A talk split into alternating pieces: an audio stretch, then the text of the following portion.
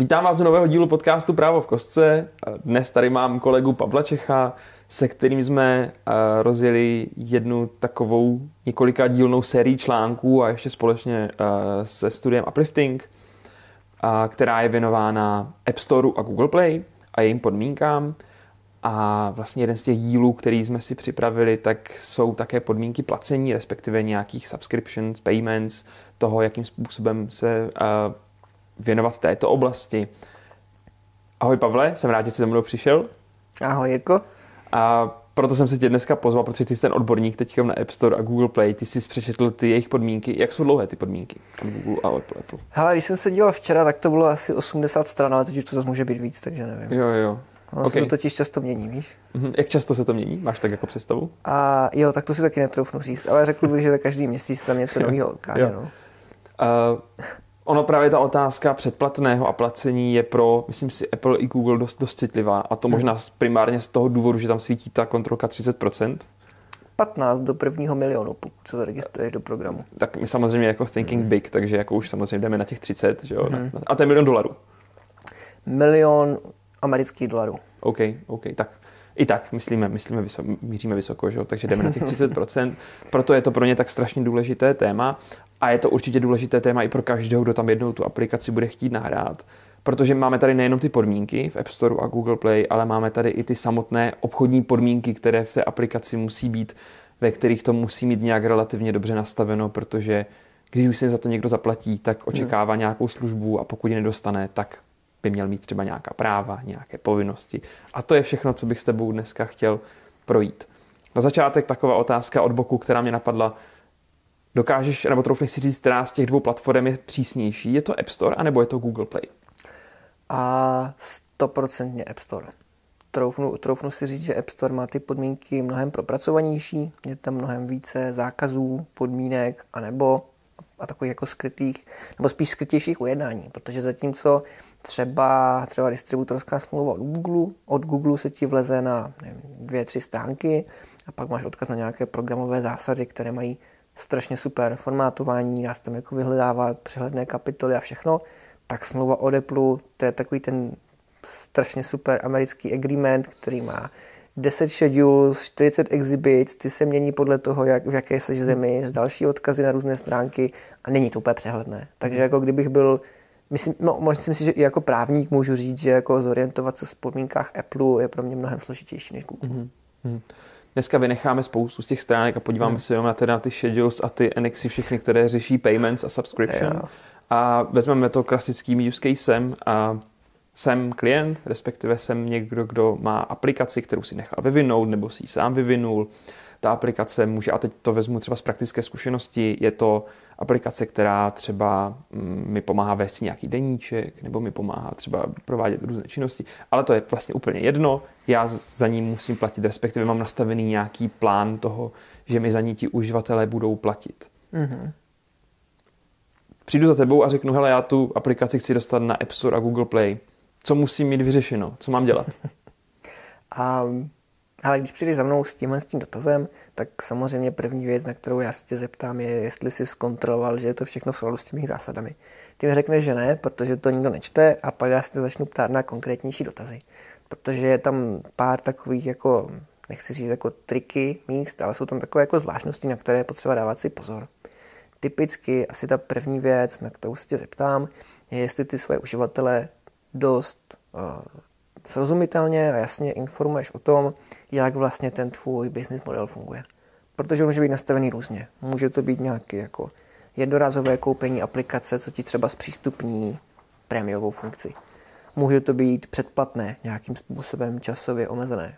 Může to být třeba takový ten model jako freemium, že máš aplikaci, co je zdarma s reklamama a ty si zakoupíš verzi bez reklam. A vlastně podle toho, co ty tam máš, tak bys jako ten svůj, ten svůj business model a ty přínosy té placené verze dost srozumitelně a jasně mm-hmm. komunikovat zákazníkům. Jak v těch samotných podmínkách té aplikace, co si připravíš, ať už tomu říkáš obchodní podmínky nebo podmínky užívání, tak i potom na té produktové stránce, která vlastně i prochází tím podrobnějším schvalovacím řízením a která jako musí mít sepsaný a připravený na to, aby ti to vůbec App Store a Google mm-hmm. Takže vlastně první krok asi by ten klient měl si dobře rozmyslet svůj business plán, který za tou aplikací bude mít. Jasně. Protože asi za tebou přijdu a zeptají se, hele, prostě chci, chci mít placenou aplikaci, tím si no. asi schopný doporučit, že jo, jak to spoplatnit. No, ale teď zase jako pojďme si říct na rovinu, ono to není o tom, že já bych ti řekl, nemáš to rozmyšlený, přijď se mnou, až to budeš mít hotový. Takhle to v žádném případě nefunguje. Já jsem tady od toho, abych ti poradil, takže typicky mnou přijde klient a řekne, já mám teď vymyšlený, že bych chtěl tu apku začít nějakým způsobem monetizovat, chci tam prostě zavést placenou funkci, tak on mě řekne, já bych chtěl mít prostě premium subscription. Teď já se zeptám, OK, kdy si to musím koupit, co mi to přinese, na jak dlouho to bude, jestli se to automaticky obnovuje, jaký to má omezení? a tak dále. A těmi správnými dotazy potom vždycky toho klienta jako navedu tomu zamyslet se nad tím, co ho třeba nenapadlo, říct si, že třeba jako nedává vůbec smysl mít čtyři úrovně předplatného, když se to dá jako srozumitelněji dát do dvou, že nemá třeba jako smysl řešit vůbec tady nějaké omezení téhle z té funkce a lepší je to prostě udělat jinak, tak abychom to jako i pro toho koncového uživatele udělali srozumitelnější a aby tam prostě v tom nebyly žádné pochybnosti a bylo to nastaveno jasně a nikdo potom se nehádal s tebou o tom, co v tom předplatným mm-hmm. má být a nemá být. Mm-hmm. I když to je takový jako vyhrocený případ, většinou to je mnohem jednodušší. Máš prostě placenou verzi aplikace, bez toho, aniž to zaplatil, tak to nejde používat, nebo ty funkce se ti nespřístupní. Mm-hmm. A ty si říkal, že teda tím základním a tou první otázkou je, že jako, jestli o tom správně informuje ten, mm-hmm. ten provozovatel té aplikace. A určitě toho provozovatele napadne spoustu dalších otázek, které s tím stoprocentně souvisí. Mě třeba hned jako první napadá, co když si budu chtít nastavit nějaké automatické prodlužování toho předplatného, jak mám potom postupovat, protože já nechci, že aby mi to po roce třeba skončilo, ale Jasně. budu to chtít prostě automaticky prodlužovat. Jak se k tomu třeba staví App Store nebo Google Play? A je to něco, co 100% funguje, všichni víme, že to jde, ale zase má to nějaké, nějaká svoje specifika a věci, na které je potřeba dávat si pozor. Typicky třeba u Apple, to spousta lidí neví, není možné mít to automatické předplatné vždycky. Jsou tam proto nějaké mm-hmm. podmínky, já teď nedokážu to říct úplně z hlavy, ale jako to pravidlo je zhruba formulováno tím způsobem, že automaticky obnovované předplatné můžeš mít pouze, pokud ta aplikace tomu uživateli přináší nějakou, nějakou jako ongoing value, prostě nějakou jako další hodnotu.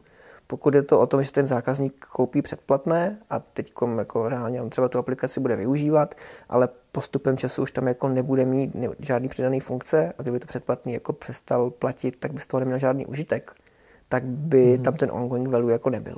Mm-hmm. Jo? Čili je potřeba vlastně zamyslet se nad tím, jestli to spadá do nějakého z těch povolených business caseů. Oni jsou tam jako nějakým způsobem vyjmenovány jako příklady. Typicky je tam nějaká funkce, nové epizody, je to něco, co se prostě vyvíjí, dostaneš nový content, nové itemy, odblokuješ nový level ve hře. To jsou jako věci, co mají nějakou tu přidanou hodnotu a pak jsou jako věci, které přidanou hodnotu mít nemusí. Čili mm-hmm. to je první věc. A druhá věc, pokud teda už spadneš do nějaké té kategorie, té jako spoplatněné funkce nebo, nebo čehokoliv, co je podléhá tomu předplatnému, tak je zase potřeba dát si jako pozor na to, aby s těm uživatelům řekl, na jak dlouho to předplatné trvá, kdy se obnovuje, co jim to přinese, co se stane, když to neobnoví, jestli je tam nějaká zaváděcí akce, takové to specifikum. Mm. První měsíc je zdarma, další jsou spoplatněny, že jo? Mm. Takže se tam potřeba jako dost přehledně říct tomu, tomu jako v očích Apple hloupému zákazníkovi, kdy se to obnovuje, za jakých podmínek a co musíš přesně udělat pro to, abys třeba to obnovení vypnul. Pokud mm. to tam není, nějakou z těch informací třeba opomeneš uvést, může to být důvodem, proč ti třeba tu monetizaci aplikace jako neschválí a prostě hmm. nepovolí ti tu aktualizaci nebo vydání té apky vůbec. Jasně. Když jsme u toho, u toho s um, nějakým způsobem třeba rušení toho předplatného. Já mm-hmm. předpokládám, že i na to budou podmínky v rámci toho App Storeu a určitě to je dotaz, který, který ti klienti budou mít a to je, co když mi ten um, uživatel bude chtít to předplatné zrušit. Co mhm. když prostě v průběhu toho to aplikace přestane bavit, on to bude zrušit. Mám tam nějaké možnosti, jak to třeba nastavit, že, že nevrátím tu částku nebo vrátím. Jsou na to nějaká jako specifická pravidla? Jsou na to specifická pravidla. Přímo, přímo myslím si, že jako první věc, na kterou potřeba zamyslet, je, že ty většinou v té aplikaci používáš vlastní fakturační systém Apple nebo Google Play. Není to nastaveno tak, že jste měl svoji vlastní platební mhm. bránu. Pokud třeba jsi někdo, kdo jako se v té oblasti orientuje, má svůj e-shop a ví, že třeba máš nějakého, nějakou svoji platební bránu, přijímáš platební karty a tak dále, tak teď přijdeš do App Store, na Google Play a tam zjistíš, že to vlastně vůbec není možné až na nějaké výjimky. Takže už jako to je první nějaké technické omezení toho, že vlastně ty si tu cenu neúčtuješ sám, ale musí to být nastaveno nějakým mechanismem předplatného, který má své pravidla, mm-hmm. který nastavit pouze nějak. A dokonce si myslím, že v některých případech, když ty to předplatné zrušíš, tak se tam může stát, že ten uživatel jako nebude platit tu poslední splátku předplatného, ale přesto vlastně jako dostal ty, ty funkce, které mu byly zpřístupněny. Mm-hmm. Takže jsou tam, jsou tam taková jako zase specifická pravidla, spíše nastavená ve prospěch toho uživatele, kdy se reálně může stát, že ten dodavatel spíše na to jako potom doplácí, než, než že by na tom jako vydělával mm-hmm. na to, že se to předplatné někdo zrušil. Mm-hmm. Ty jsi to zmínil s tou platební bránou, že je to častý dotaz, a co vím, řešíme to s našimi klienty, jestli teda já můžu to předplatné dát přes nějakou vlastní platební bránu, jestli mi takováhle aplikace na App Store nebo na Google Play projde. Projde? a jako nejčastěji bych řekl ne, ale ono hmm. existuje pár výjimek, kdy svoji vlastní platební bránu můžeš použít. Tím jako asi nejzákladnějším případem je, že jsi vlastně něco jako e-shop. Prostě Jasně. prodáváš v té aplikaci nějaké jako hmotné produkty nebo, nebo prostě služby, které jsou mimo ten svět aplikace. Typicky, když prodával, nevím, jako masáže nebo, nebo nějaké stupenky a tak dále, tak to jsou věci, které hmm. můžeš jako prodávat prostřednictvím svojí vlastní platební brány. To znamená, jako já si to představuju teda hmm. tak, asi, asi to tak bude, že vlastně dejme tomu, byla by to placená aplikace, placený e-shop, já, jako je to hodně absurdní možná, abych mohl ten e-shop využívat a pokud by to splňovalo nějakou tu přidanou hodnotu toho, že mi ten e-shop bude něco, něco dávat navíc, tak abych v podstatě ten e-shop mohl využívat, tak bych měl využít platební bránu toho App Store Google Play, že jo? A potom, když bych třeba přes ten e-shop chtěl vevnitř nakoupit, tak tam už bych teoreticky mohl použít vlastní platební bránu. No, je to absurdní příklad, jak, jak jsi řekl, ale v podstatě jo. Já bych tam jenom ještě opravil jednu věc. To je jenom, že můžeš, ale dokonce musíš. Ono jako ten okay. fakturační systém Apple a Google Play jako nelze v těch případech používat. Ty si mm. prostě musíš najít svoji platební bránu, mm. svoji nevím, ČSOB, Adyen, Stripe, Jasně. cokoliv, co ti mm. to bude zprostředkovávat, na to ten systém použít nejde. Mm. To byla dobrá otázka. A teď nevím, jestli, jestli tohle to víš, jestli to řeší ty podmínky. Uh, když teda mám tu platební bránu od toho Apple, Google, tak on i za mě vystaví tu fakturu. A, no, je to fakturační systém, takže ono to jako je dost, dost jako robustní, že jo, tomu zákazníkovi přijde něco jako stvrzenka, on to má jako i ty předplatná v tom svém uživatelském účtu, že jo, takže to je vlastně všechno vyřešeno. Co tebe jako možná bude zajímat je potom, jak to funguje s daněma, jako jak ty vlastně musíš potom řešit ty poplatky, co se kde strává, ale to už vlastně není věc, kterou ty by řešil přímo s tím zákazníkem, to ty řešíš s, s Applem nebo s Googlem, protože ono je to trošku jako na představení, ale reálně ten tvůj vztah je nastavený tak, že ty máš smlouvu s Applem, Apple dáváš teď tu aplikaci, máš od něho oprávnění používat ten fakturační systém a Apple potom jako tu cenu fakturuje tvým jménem tomu zákazníkovi. Takže hmm. no to je jako kdyby vyřešeno a dokonce, když ty, když ty třeba jako ty příjmy z prodeje máš nějakým způsobem zdanit, pokud je tam DPH, srážku nebo něco jiného zajímavého, tak většinou ty ten Apple i vyřídí za tebe. Hmm. On Nechci říkat, že tak funguje paušálně, jako stoprocentně. Není to tak, že by, že by byl Apple nebo Google jako tvoje účetní. On za to jako tu odpovědnost nepřebírá. On se tím spíš chrání, že jako prostě, když už tu platbu vybírá, tak to, tak to odvede tam, kde ví, že se to odvádí, ale to je jenom v některých zemích. Mm-hmm. Existuje doslova seznam zemí, kde se tady to neuplatní a kde ty by si správně ty daně a mhm. poplatky měl řešit sám. Super, to je fajn vědět. To myslím si, že spoustu lidí uvítá tuhle informaci, že že, že tady je ta možnost jo. toho. Ono, ono je to zejména zajímavé, když jsi jako startup a už ty příjmy potom se dostanou do nějaké vyšší částky a ty se začneš uvažovat nad tím, jestli si nezaložit tu společnost někde jinde, kde jsou ty daně hmm. nižší, jestli máš mít v Česku nebo, nebo tak dále, hmm. tak pak jako začneš uvažovat, aha, tak Irsko, že jo, tam je menší daň, tak to tam založím. A teď se vlastně jako začneš zabývat tím, kdo teda ty daně platí, hmm. jestli z tebe Apple odvede a tak dále. To hmm. jsou věci, které my jako takhle často řešíme, děláme vlastně takové nějaké jako konzultace, posudky toho, co je pro klienta jak výhodné, kde tu společnost dát, jak ji usídlit a tak dále. Ono to téma je mnohem složitější, takže do toho jako nechci zase zabíhat Jasně. do detailů, ale v podstatě ještě je potřeba si uvědomit to, že Apple není jeden Apple. Jako reálně ty, když uzavíráš distribuční smlouvu, tak ji uzavíráš v podstatě s tím hlavním americkým Applem A ještě je tam, myslím, dalších pět nějakých přidružených okay. společností. Je Apple v Irsku pro Evropu, je Apple pro Jižní Ameriku, mm. pro Ázii a Jasně. tak dále. Mm. A všechny vlastně ty společnosti jako fungují potom trošku jinak. A oni, oni fungují jako na bázi toho, že to potom jako kdyby prodávají ty společnosti, které se nachází na tom území, je ten zákazník. Takže třeba pokud ty prodáš žabku Američanovi, tak můj tvým jménem prodává Apple ANC z Ameriky, mm-hmm. když ji prodáváš Evropanovi, tak ji prodává Apple z Irska. A mm-hmm. zase to má prostě strašně zajímavé potom jako daňové konsekvence, jinak se to počítá, jiné ty daně tam jsou a jako ještě víc se dá potom pracovat třeba s tím, kam tu společnost umístit. Protože ty, když třeba víš, že většina tvých zákazníků bude z nějaké země, tak se podle toho zařídíš a tu společnost, co tu aplikaci provozuje, umístíš někde jinde, než kdyby byla v Americe. Jo. Jako zjednodušeně řečeno, hmm. je tam prostě spousta proměných. OK, OK. A Děkuji za to vysvětlení. Já mám poslední otázku k tomu App Store Google Play a možná mě klidně potom hmm. doplní, jestli jsme něco nezmínili, co ti přijde důležité.